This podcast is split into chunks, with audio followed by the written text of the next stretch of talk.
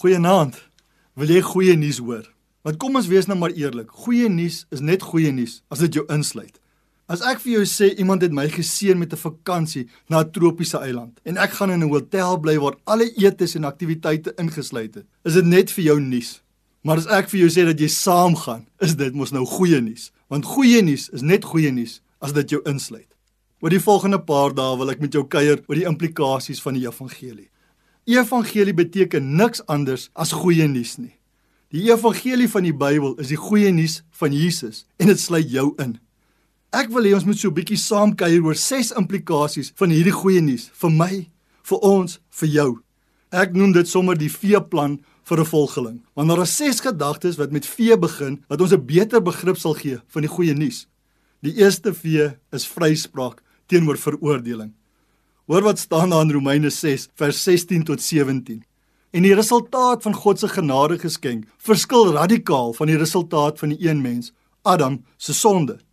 Want hierdie een mens se sonde het gelei tot veroordeling. Maar ons ontvang die genade geskenk van God se vryspraak. Al staan ons skuldig aan 'n menigte oortredings.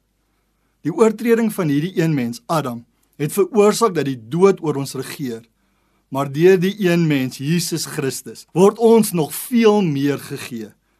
Almal wat God se oorvloedige genade geskenk van vryspraak ontvang, sal koninklik oor die sonde en die dood triomfeer.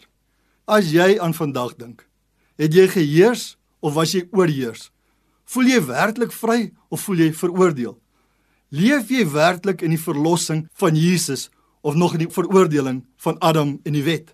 As jy in Christus is, is daar geen veroordeling vir jou nie, maar wel vryspraak. Soos Adam veroordeling vir ons almal gebring het, so het Jesus vryspraak vir almal gebring. Wat beteken dit?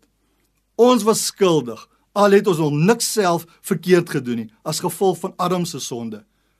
Net so is ons nou weer onskuldig as gevolg van Jesus se onskuld, al het ons nog niks reg gedoen nie.